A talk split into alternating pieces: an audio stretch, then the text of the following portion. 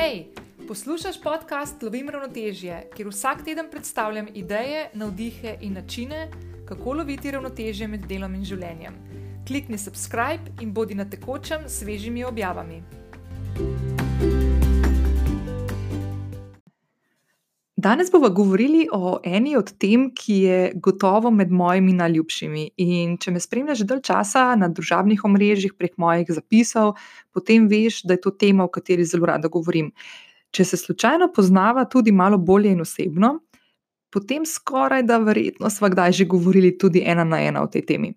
Danes bomo razbijali mit o eni od najkrajših in najbolj strašljivih besed v slovenskem jeziku um, v bistvu v vsakem jeziku svetovnem. Ta beseda nosi ključ do tvojega časa, sreče, zadovoljstva, svobode in energije, do vseh tistih stvari, ki so tebi v življenju pomembne in ki jih imaš visoko na svoji vrednostni lestvici. Ta beseda spreminja življenje. In ko se boš naučila uporabiti in zgovarjati, boš lahko začela učinkovito upravljati s svojim življenjem. In to ni beseda denar ali pa moč ali pa ego. Beseda, ki jo danes razbijava, je beseda ne. Samo en enostavni ne. Za mnoge od nas beseda ne predstavlja nenehen strah, spodbuja občutek krivde in ne nazadnje žrtvovanje rečem, ki jih želimo, pa do njih ne znamo priti. Ker nam je tako težko reči ne. Pogosto se zdi uh, tako zelo enostavno, na mesto ne raje reči ja. In se s tem izogniti enemu kupu, enemu kupu stvari, ki nas bremenijo in ki mislimo, da nas bojo čakale na koncu tistega trenutka, ko bomo rekli ne. Ja, pomeni odpiranje vrat novim priložnostim, novim izzivom. Ja, pomeni videti smeh na obrazu nekoga, ki nam nekaj pomeni. No, ja, lahko pomeni tudi, da skočiš na gugalnico sredi balijskega deževnega gozda in se zazibaš na 110 metrih to sem naredila jaz. In ta trenutek sem ti opisala v peti epizodi tega podcasta, ko sem govorila o strahu in kako ga lahko presežeš. In blazno vesela sem, da sem takrat na mesto ne rekla ja. In danes bomo v tej epizodi govorili točno o tem. Če boš držala čisto do konca, boš lahko uh, se sprehodila še skozi nekaj korakov, skozi katere sem tudi jaz hodila, ko sem se učila v, svojem, v svoje življenje upeljati besedo ne. Danes bomo govorili o tistih trenutkih umirjanja in ustavljanja, ko imaš v glavi milijone vprašanj, ko je tvoja to-do lista polna neupravljenih del, ko tvoj e-nabiralnik pregoreva in kako bi se takrat počutila, če bi nekaterim od tistih stvari, ki te čakajo, enostavno rekla ne. Danes bomo govorili o tem, kdaj rečeš ja in kdaj rečeš ne. Kaj ti je bolj pomembno v življenju, denar ali čas? Kako reči ne brez slabe vesti in občutka, da si nekoga pustila na cedilu? Danes govoriva o čarobni besedi. In ta beseda ni prosim, kot smo bili dosti krat že kot otroci naučeni, čarobna beseda je ne. Preden nadaljujeva, ti moram povedati, kako zelo hvaležna sem, da si vsak teden vzameš čas za poslušanje podcasta Lovim ravnotežje. Tako blazno vesela sem vseh ocen in mnen, ki jih dobim prek Instagrama, na e-pošto ali pa prek aplikacije, prek katere tudi ti poslušaš ta podcast. Hvala tebi in vsaki od vas, ki mi s tem pomagate, da ta podcast sliši še več vam podobnih žensk. Kot vedno te v opisu te epizode čaka tudi povezava do zapisa, ki je pripravljen za to epizodo in v katerega sem ujela vse stvari, ki jih omenjam v današnji epizodi. Kje začeti? Če se ti sliši fino in bi z veseljem začela govoriti ne stvarem, ki jih ne želiš, pa ne veš, kje točno začeti, so lahko jutra odličen začetek. Jutranja rutina je ena od tistih stvari, ki ti že takoj na začetku novega dne ta dan postavi na prave tirnice, da potem skozi dan izgubljaš energije in časa, ko se loviš med upravki, ki te še čakajo. O jutranjih rutinah smo govorili v prejšnji, osmi epizodi podcasta, v kateri sem ti predstavila pet enostavnih korakov, kako oblikuješ svojo jutranjo rutino in te popeljala tudi skozi mojo jutranjo rutino, ki mi na dober dan vzame kar dve uri časa. Z jutranjo rutino, ki je oblikovana okoli stvari, ki jih imaš rada in ti dajo energijo, boš vsak dan začela na pravi nogi in v svojem tempu. Če še nisi poslušala te epizode, te vabim, da skočiš na epizodo 8. Vsak dan, ko zjutraj vstaneš svojo malo zmago, ki je vključena v tvojo rutino, pa je lahko to pospravljanje postelje ali pa hiter skok pod tuš, se boš cel dan počutila kot ta glavna. In imela boš občutek, da se dan vrti okoli tebe in ne ti okoli dneva. Kdaj rečeš ne? kot sem ti povedala na začetku te epizode, je to ena od tem, ki je moja najljubša. Ena, gotovo ena mojih najljubših. In priznam, da sem se tudi jaz mučila, preden sem dejansko to idejo in način razmišljanja upeljala v svoje življenje, zato vem in razumem, da govoriva o stvari, ki ni ravno enostavna. Danes je ta miselnost prepletena v moj DNK, v vsako celico mojega telesa in je ključ do mojega življenja v izobilju. Ko rečem izobilje, ne mislim nujno in najprej na denar. Dejansko je denar nižje na moji lestvici, konkretno. O izobilju bomo govorili nekoliko kasneje. Uh, nova usvojena miselnost me, na primer, izpopolnjuje na osebni ravni in mi pomaga biti uspešnejša tudi na poslovnem področju. Če želim biti uspešna in hkrati skrbeti za delovanje moje nove miselnosti, potem se moram vsak dan aktivno ukvarjati s tem področjem.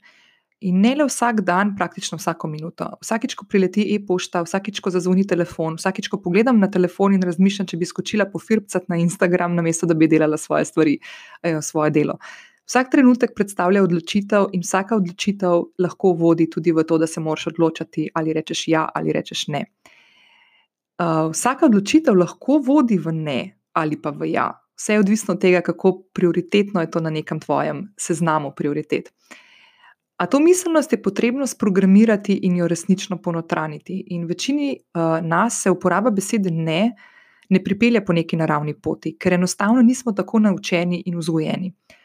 Ponotranjanje besede ne mi omogoča, da naprimer vsak teden zate pripravim svežo epizodo tega podcasta, da spišem kakšen zapis, objavim kakšen IGTV z dodatnimi vsebinami, za katere mislim, da bi te znale zanimati in bi morda ugotovili na kakšno tvojih vprašanj, izzivov ali težav, s katerimi se srečuješ in soočaš. Upeljava besede ne v moj vsakdan pomeni, da si lahko vzamem čas za stvari, ki so mi pomembne. Naprimer, priprava hrane za praktično vse, delovne, za vse dnevne obroke, potem telovadba, yoga, meditacija, branje knjig, pisanje dnevnika, preživljanje časa s prijatelji in družino, ali pa naprimer en krog žgačkanja, ki ga probam s mojim nečakom Brestom narediti vsak, vsaj vsak drugi dan.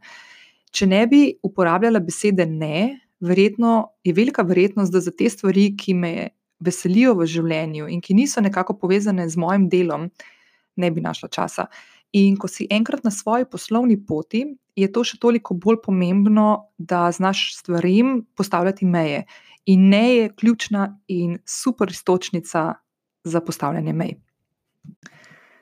Danes govorimo o tem, kako lahko sto ali pa tisoč nejev, pripelje do tistega ja, ki ga želiš in ga boš, ker si si prej toliko krat rekla ne, lahko izpeljala, ker boš imela za to prostor in čas. Govorili bomo o tem, kako skozi uporabo besede ne prideš do nove realnosti, v kateri boš ti vozila svojo ladjo. To je ladja, predstavlja tvoje življenje. Ne boš več le skakala čez valove, ki bodo prihajali in te preplavljali.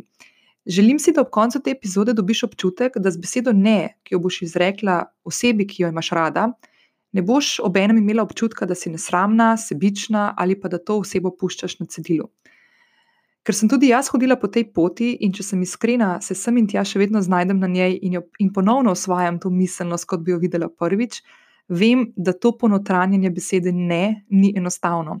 Ampak ti obljubim, da lahko v sebi najdeš način, da ne upelješ v svojo miselnost brez nekih tektonskih posegov v odnose na delovnem ali pa zasebnem področju.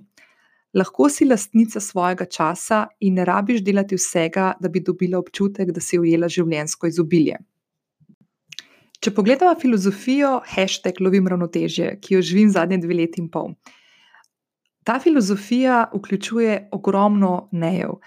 Uh, seveda rečem tudi ja, naprimer podkastu, ki sem ga začela uh, oddajati pred dobrim mesecem. Uh, ampak veliko, veliko krat sem morala reči ne, da sem naredila prostor stvarem, ki so meni pomembne. In ko rečem ja, ga rečem takrat, ko želim stopiti ven iz cone obdobja in preseči neke svoje strahove. Ampak o tem bomo bova govorili nekoliko kasneje. Če se jaz ukvarjam s stvarmi, uh, za katere želim najti prostor in čas, želim narediti neke načrte in projekte za prihodnost, potem od mene življenje enostavno zahteva, da veliko krat in veliko večkrat, kot sem si mogoče predstavljala na začetku, rečem besedo ne. Naprimer, Jaz si želim v prihodnosti postaviti sistem, ki bo pomagal bodočim podjetnicam graditi svoje podjetniške zgodbe, ujeti naprimer zanimanje medijev in končnih kupcev ali naročnikov, in pri tem živeti življenje v svojem ritmu.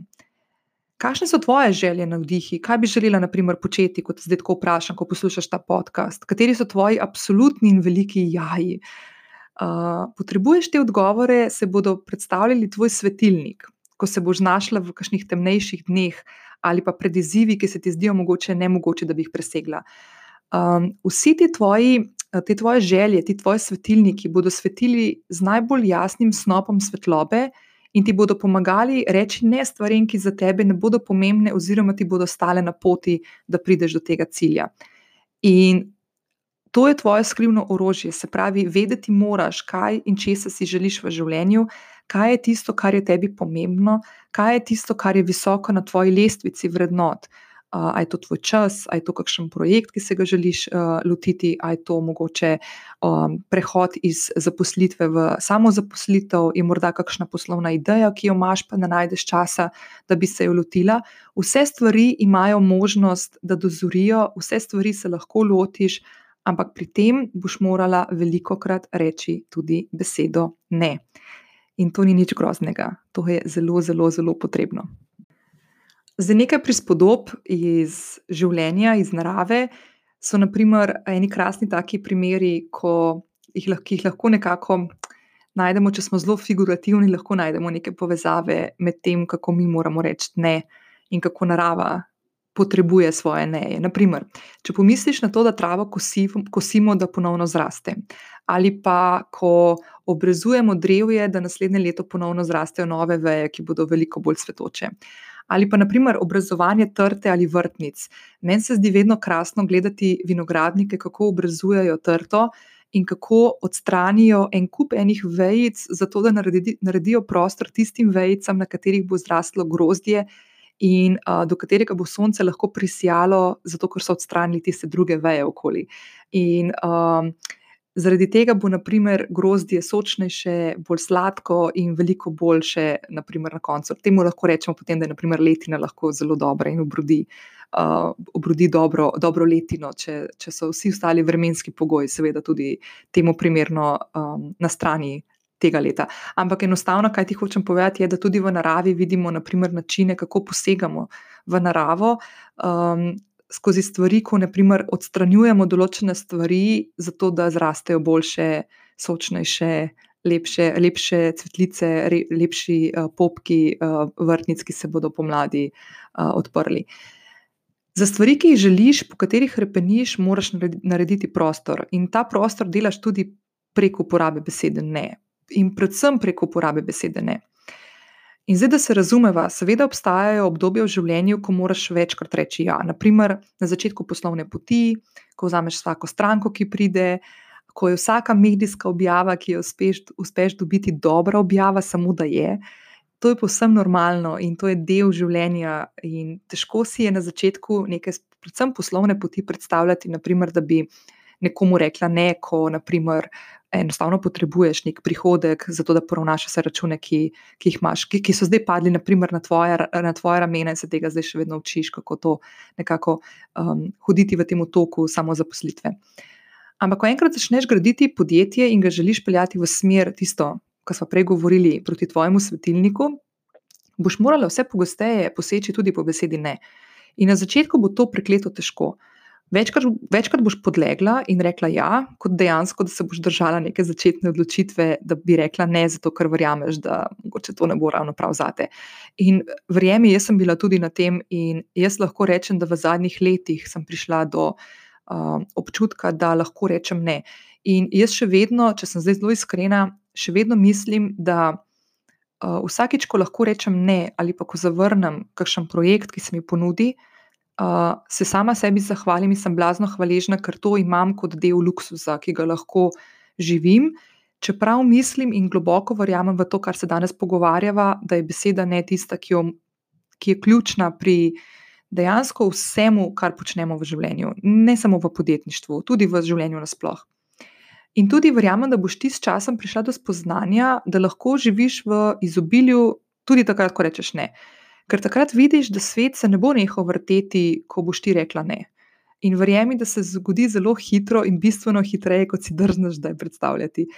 Zelo, zelo hitro lahko pride do te spremembe, ko enkrat stopiš na to pot, ki se ti zdaj zdi morda nemogoča. Zakaj moraš sploh reči ne? Kot sem prej govorila o tistih tisočih nejih, ti zdaj predstavljam eno tako posebej enostavno formulo, da na tisoč nejev pride samo en velikanski ja. In jaz si želim, da bi to zraslo v moji glavi, ampak ni. Uh, gre za eno od misli, ki sem jo našla v eni krasni knjigi, ki te nauči, kako na prijazen način rečeš ne. In to je knjiga Essentialism avtorja Gregona McKeona, v kateri je predvsem enostavna formula in sicer, če pač ni hudičev ja, je tvoja izbira vedno ne. In Greg pravi, da na vsakih tisoč nejev pride samo en ja. Zdaj, čisti iskreno, to ti ni treba vzeti dobesedno, ampak gotovo je pa nekaj, da večkrat moraš reči ne kot ja. In zdaj, mimo grede, ko smo ravno pri knjigah, če še nisi prijavljena na moje e-novičke, potem imaš še vedno čas, da se prijaviš in ujameš e-knjižico, ki jo bom prihodnji teden poslala in v katero bom zbrala 20 knjig za leto 2020.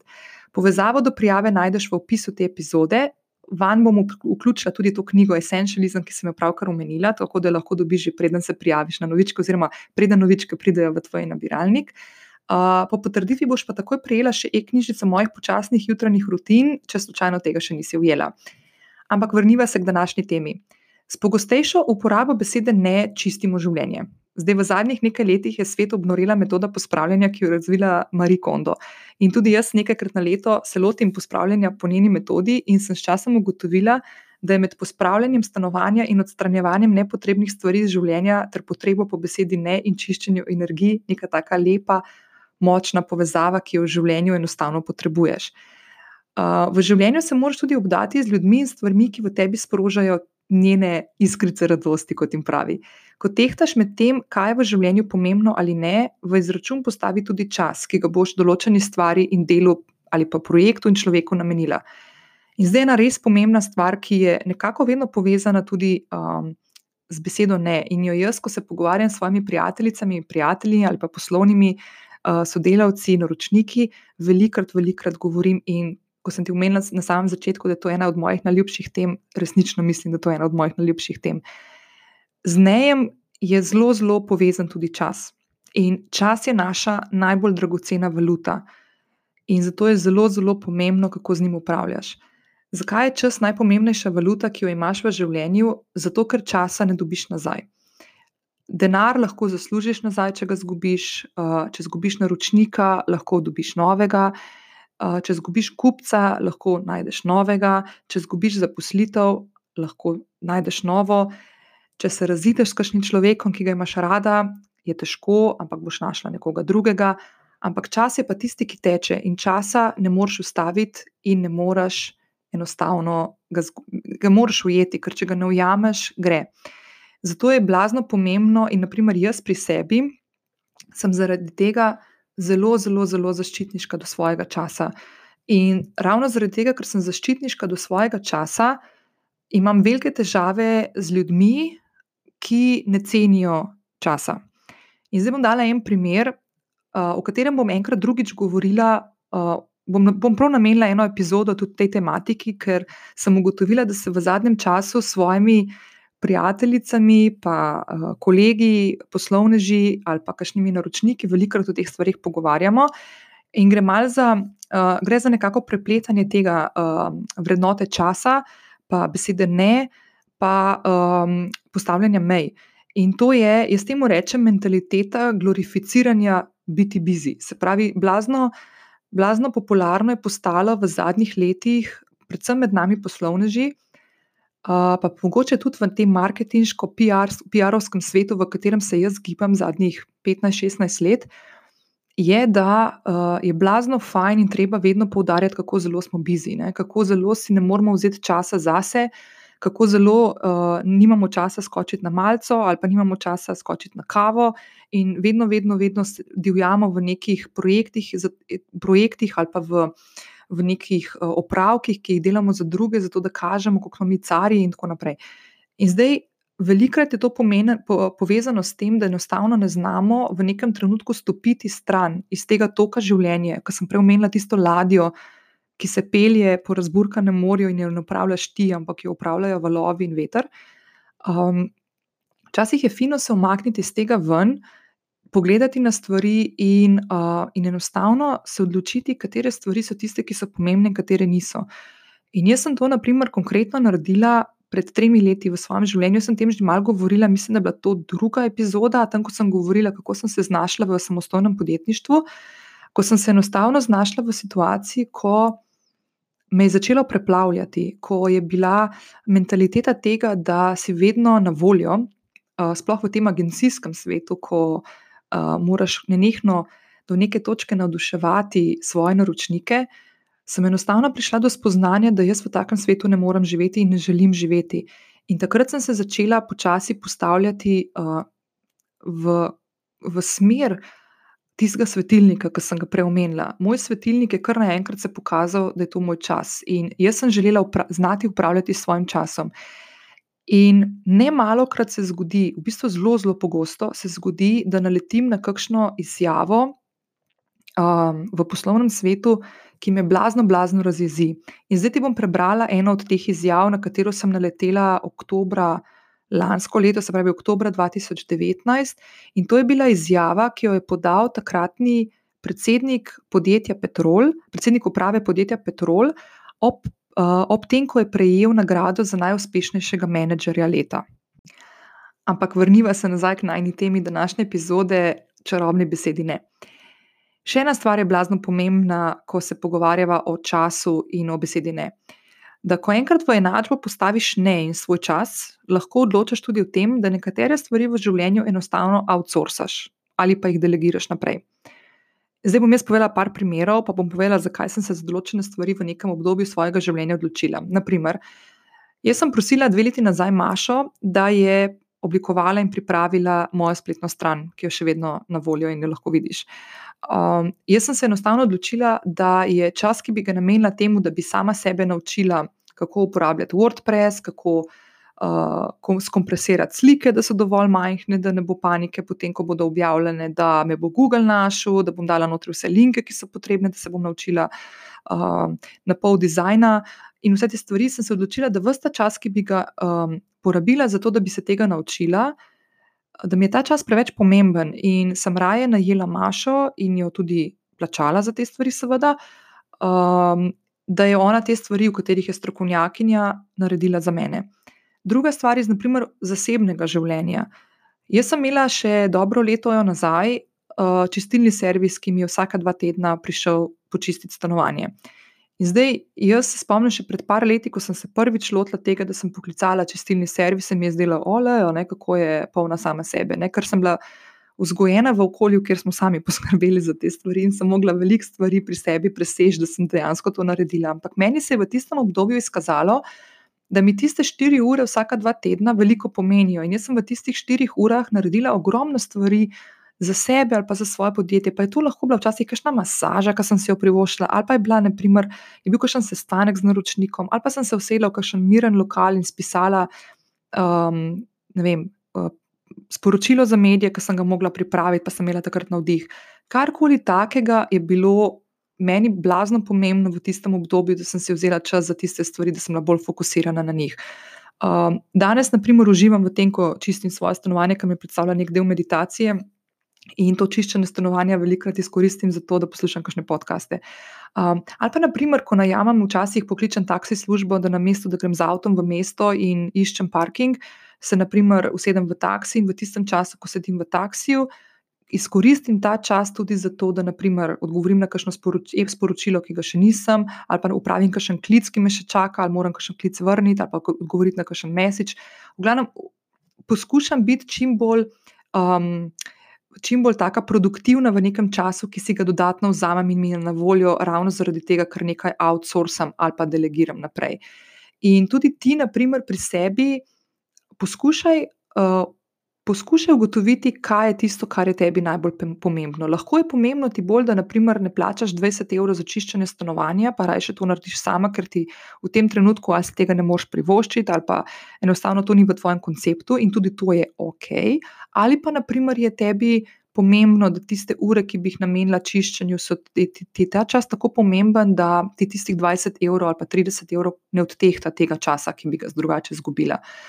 Um, Tako da najdi tiste stvari, ki so tebi pomembne, um, in jih postavi na prvo mesto. In včasih se moraš vprašati, koliko je vreden tvoj čas. Kaj vse bi lahko naredila v času, če bi ga imela in ga ne bi porabila, naprimer, za tiste stvari, ki bi jih lahko enostavno ali pa na nek, po neki ceni, ki si jo lahko privoščiš, privoščila.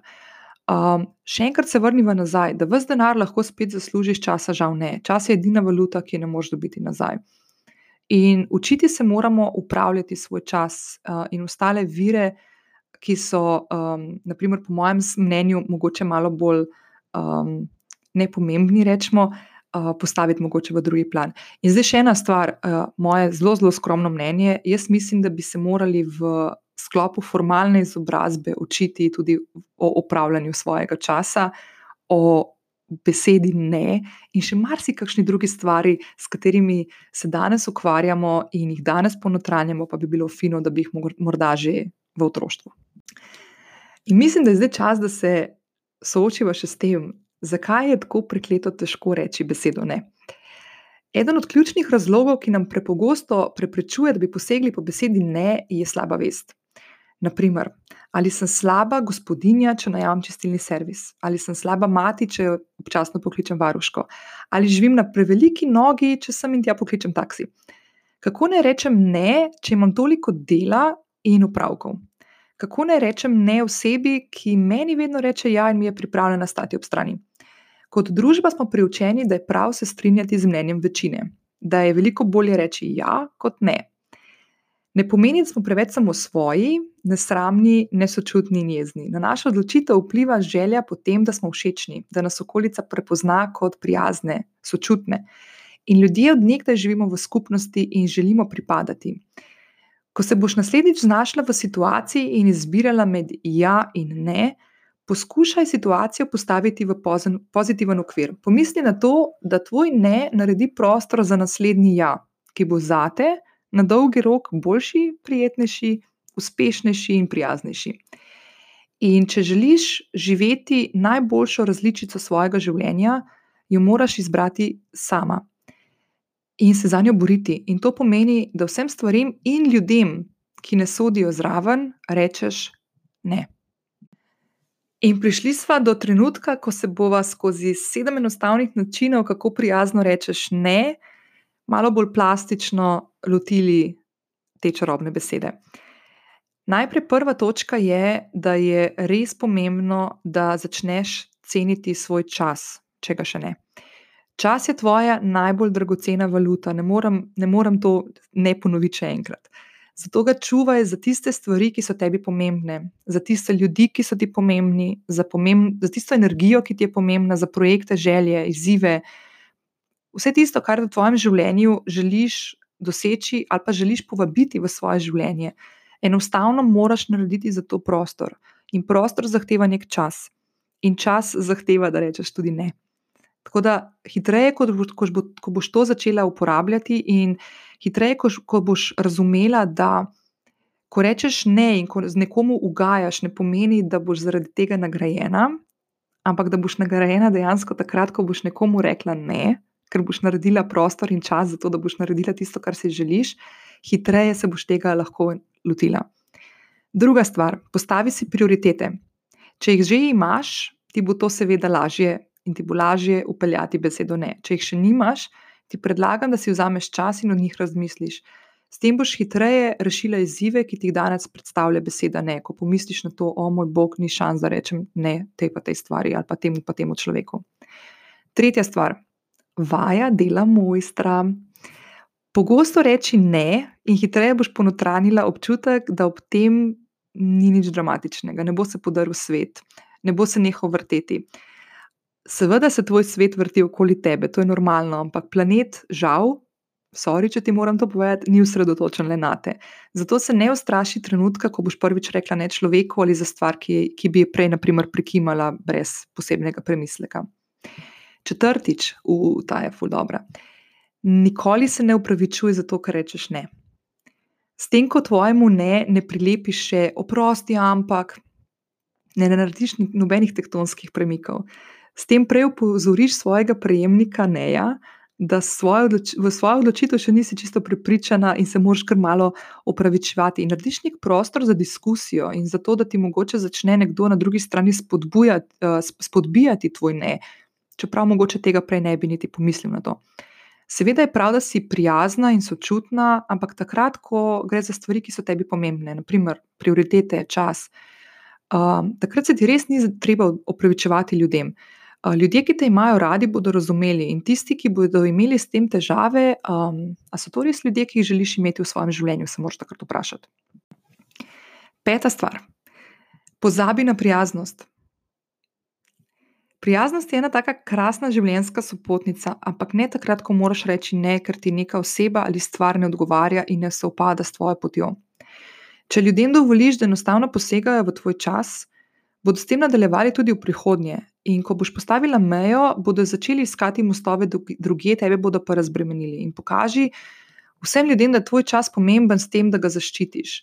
Na začetku se boš gotovo srečala tudi z odklonom in težavami. To je povsem normalno. To je, ko enkrat nekomu, ki ni navaden, da sliši besedo ne od tebe, rečeš ne, je to šok na drugi strani in moraš te stvari malo taktično in strateško načrtovati.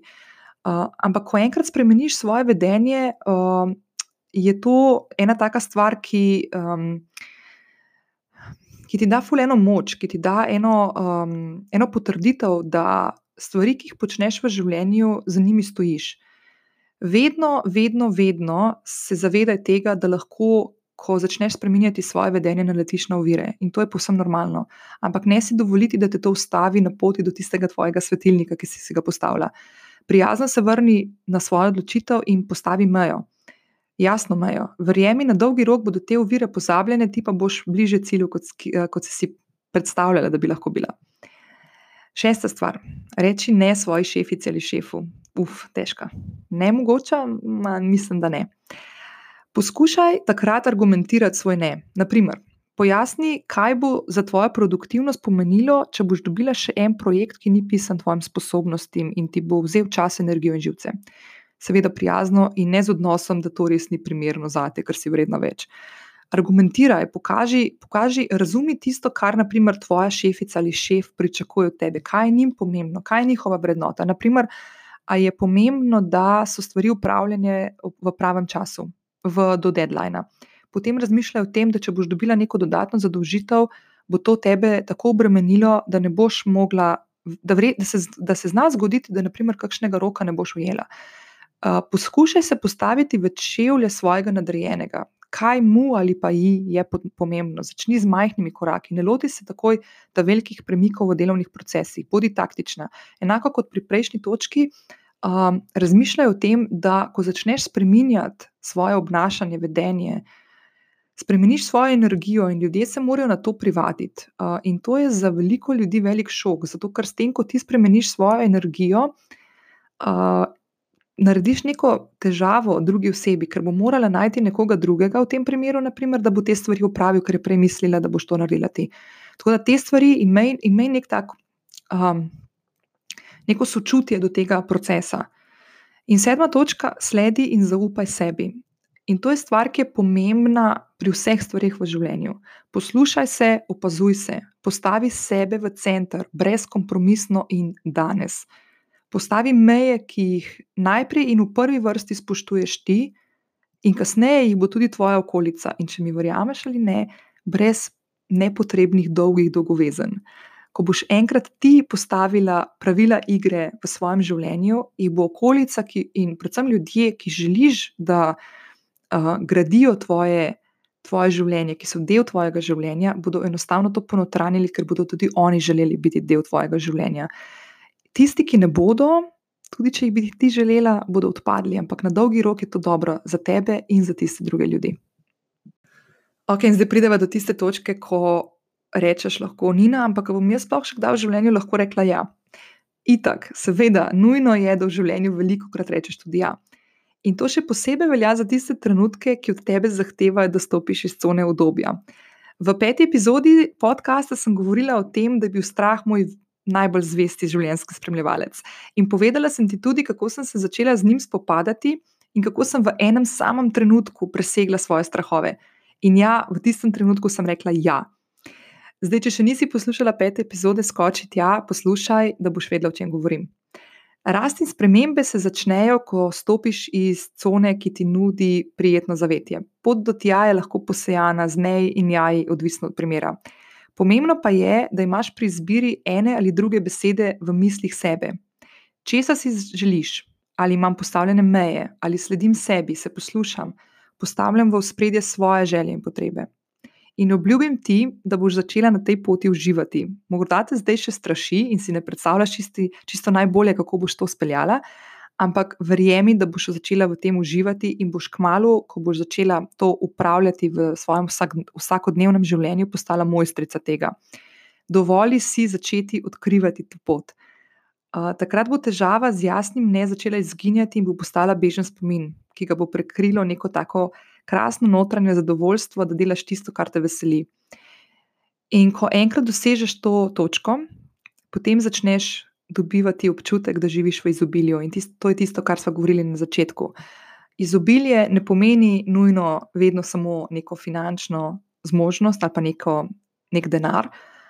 Moja, naprimer, um, teza o tem je, da jaz živim v izobilju, takrat, ko imam čas za stvari, ki jih želim početi, za ljudi, ki jih imam rada in jih želim imeti v svojem življenju.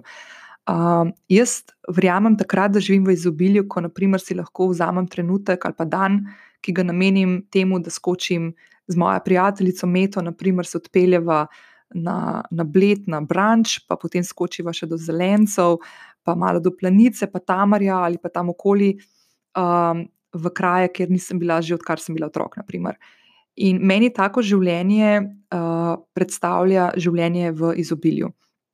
In obljubim, obljubim ti, da skozi mini premike, ki so pa ob enem zelo, zelo močni, kot je naprimer uporaba čarobne besede ne, lahko tudi ti prideš do tega, da boš imela v življenju vse, kar si želiš, da boš živela v izobilju. Pa smo prišli do konca devete epizode podcasta Lovim ravnoteže. Hvala, ker si ostala z mano do konca. Še dve stvari bi ti rada povedala, preden se posloviva in sicer. Hvala, hvala tebi, vsem, ki uh, ste se prijavili na ta podcast, na aplikaciji, pri kateri poslušaš uh, podcast uh, v tem trenutku. Uh, zelo sem vesela za vse, vsem, ki ste se uh, odločili, da boste dali svojo oceno, uh, kakšno mnenje napisali. Uh, komentirali, mi pošiljali sporočila na e-pošto ali pa na zasebne sporočila na Instagramu, kjer jih je večina, v bistvu, ki se pojavite.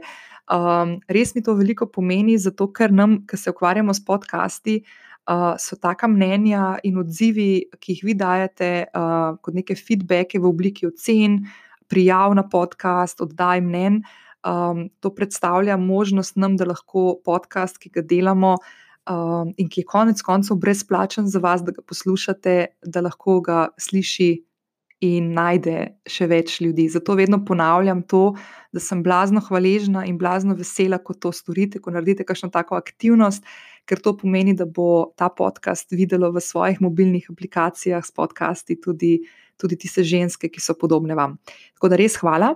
In za čisto konec, še ena stvar, ki jo rada naredim, čisto ob koncu, in uh, gre za en tak lušen uh, način, kako se lahko tudi osebno zahvalim vsem, ki oddajate svoje, uh, svoje mnenja in priletijo k meni na številne, prek številnih kanalov, uh, da lahko rečem hvala. In tudi tiste, ki se boste odločili v prihodnih dneh oddati svoje mnenje, bom tudi kakšno od vas z veseljem objavila tako po koncu kakšne epizode. In danes lahko povem, da je v moj Instagram nabiralnik priletelo sporočilo, ki sledi naslednje.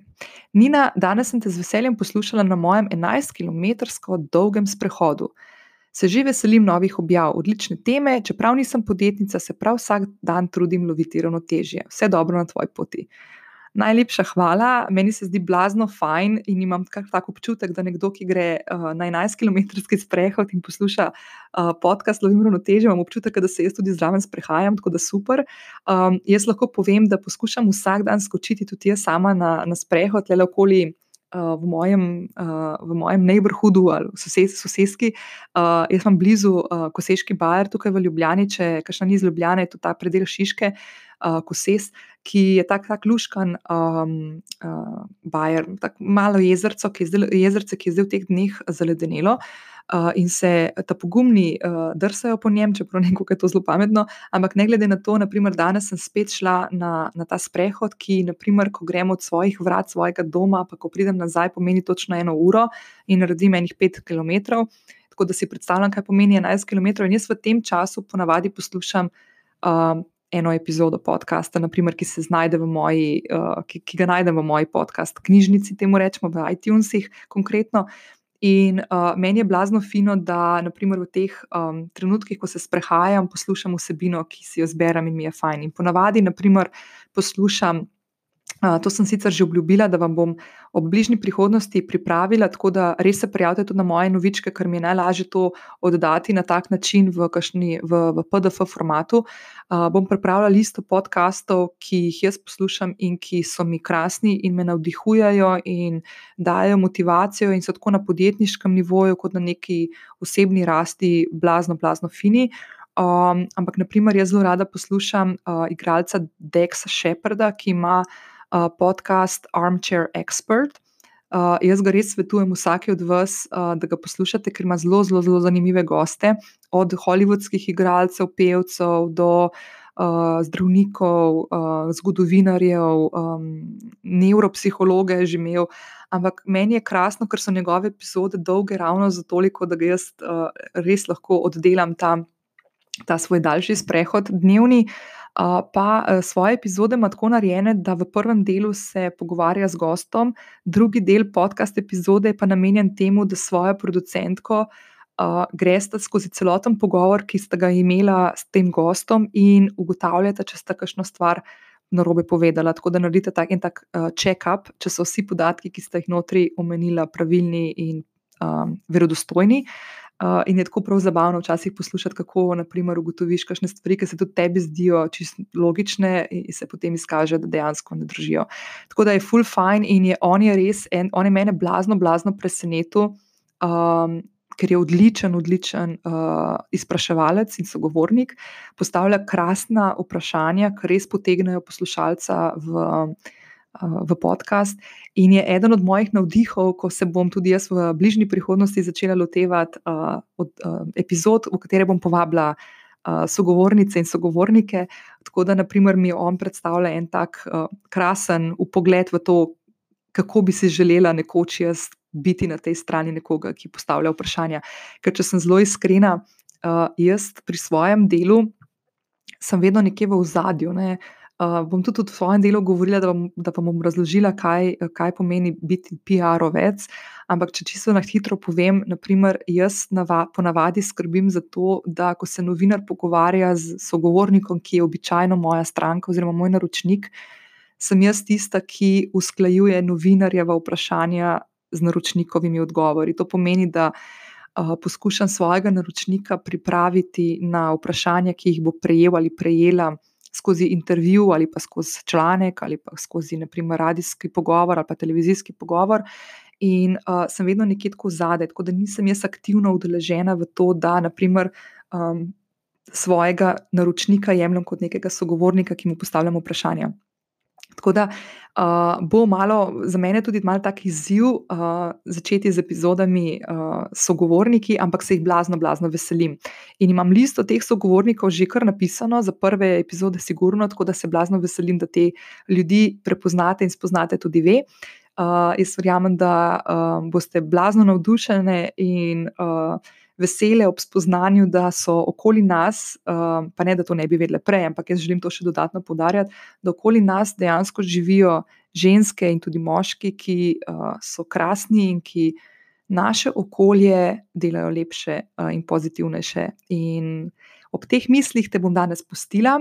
Želim ti en krasen, krasen petek, krasen vikend in se slišiva spet prihodnji petek. Lepo bodi, čau, čau!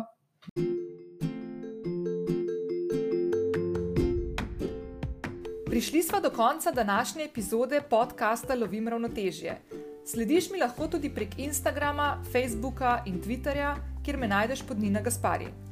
Spletne zapise najdeš tudi na strani ninagaspari.com, kjer se lahko prijaviš na e-novičke, prek katerih pošiljam dodatne vsebine v tvoj e-nabiralnik. Če na iTunes še nisi stisnila subscribe, to lahko narediš zdaj. Tako boš vedno ujela svežo epizodo. Hvaležna bom tudi za tvojo oceno in mnenje tega podcasta, ki ga lahko daš ob prijavi in s tem pomagaš, da ta podcast sliši še več poslušalk. Se slišiva prihodnji teden, ko bova spet lovili ravnotežje. Hvala za poslušanje, želim ti krasen dan.